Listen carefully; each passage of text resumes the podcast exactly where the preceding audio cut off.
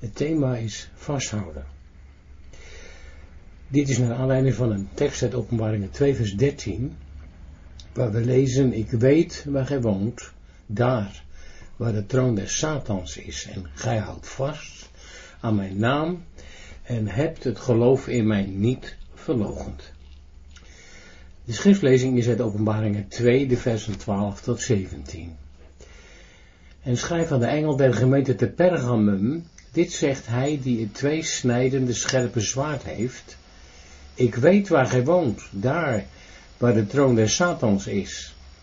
En gij houdt vast aan mijn naam en hebt het geloof in mij niet verlogend. Ook niet in de dagen van Antipas, mijn getuige, mijn getrouwe, die gedood werd bij u, waar de Satan woont. Maar ik heb enkele dingen tegen u. Dat gij daar sommigen hebt die vasthouden aan de leer van Biliam, die Balak leerde de kinderen Israëls een strik spannen, dat ze afgodenoffers zouden eten en hoereren. Zo hebt ook gij sommigen die op gelijke wijze aan de leer der Nicolaïten vasthouden. Bekeer u dan, maar zo niet, dan kom ik spoedig tot u, en ik zal strijden tegen hen, voeren met het zwaard mijns monds. Wie een oor heeft, die horen, wat de geest tot de gemeenten zegt. Wie overwint, hem zal ik geven van het verborgen manna, en ik zal hem een witte steen geven, en op die steen een nieuwe naam geschreven, welke niemand weet dan die hem ontvangt.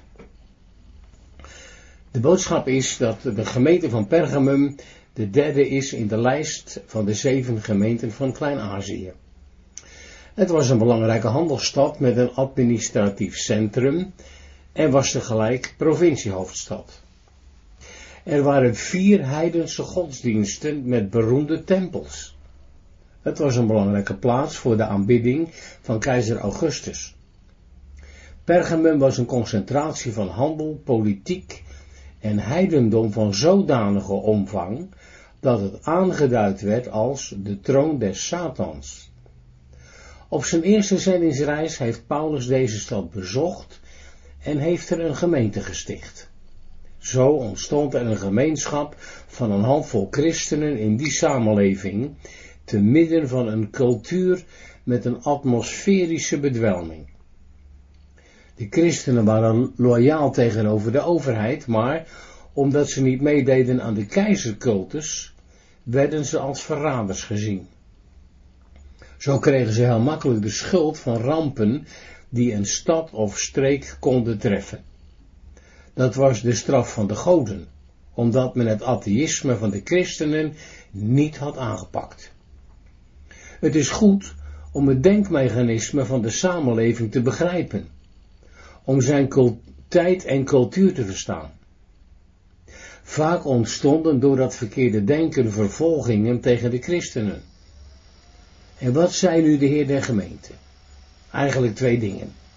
Het ene was positief, het andere negatief. Het positieve was dat ze aan de naam van Christus vasthielden en onder de druk het geloof niet hadden verlogend. Het negatieve was dat ze een bestaande dwaling in de gemeente ongemoeid lieten. Jezus liet weten, ik weet waar jullie wonen. De troon van Satan is daar. En toch houden jullie vast aan mijn naam. Dat is een groot compliment.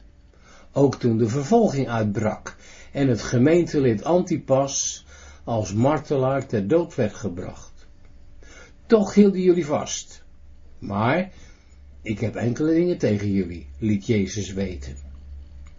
Er zijn in die gemeente mensen die Biliam volgen en met ongelovigen trouwen. Dat werd niet door de vingers gezien. Het was niet, jullie zijn zo moedig geweest tijdens de vervolging, dat zal ik dan maar door de vingers zien. Zo werkt het niet. Jezus zegt wat goed is, ook wat niet goed is. Dat mag vandaag niet meer.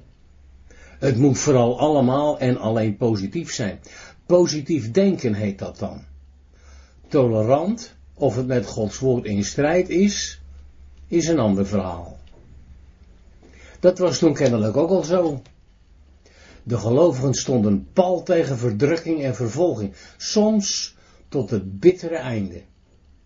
Maar als het erop aankwam, konden sommigen de verleiding niet weerstaan om in de welvarende stad, de toen moderne samenleving, nee te zeggen tegen de charme van de andere sekse.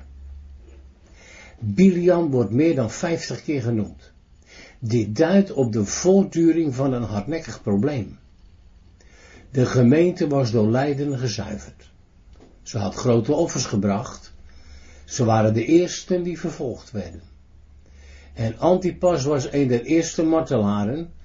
En dan wordt toch de zwakke kant van de gemeente van Capernaum openbaar.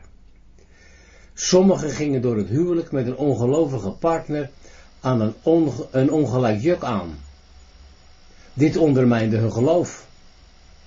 En het is juist in zo'n situatie dat ze moesten volharden in het geloof. Dat wil zeggen, gehoorzamen aan het woord. Als ze nu het geloof in Christus niet verloochenen, zullen ze overwinnen en een nieuwe naam ontvangen.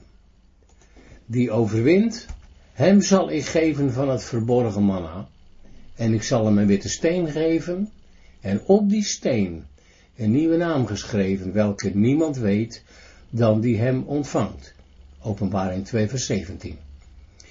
De brief van de gemeente in Pergamum leert dat het mogelijk is om in een moderne maatschappij als christen te leven en stand te houden. Er klonk geen verwijt tegen mogelijke handelsactiviteiten van de christenen in deze handelsstad. Er klonk geen klacht dat ze misschien als ambtenaar in overheidsdienst werkten. Het probleem was dat ze in hun eigen gemeente op het terrein van huwelijk en gezinsvorming zichzelf niet in de hand hadden. En de gemeente deed er niets aan. En dat is altijd weer de bedwelmende atmosfeer van welvaart, prestige en heidendom.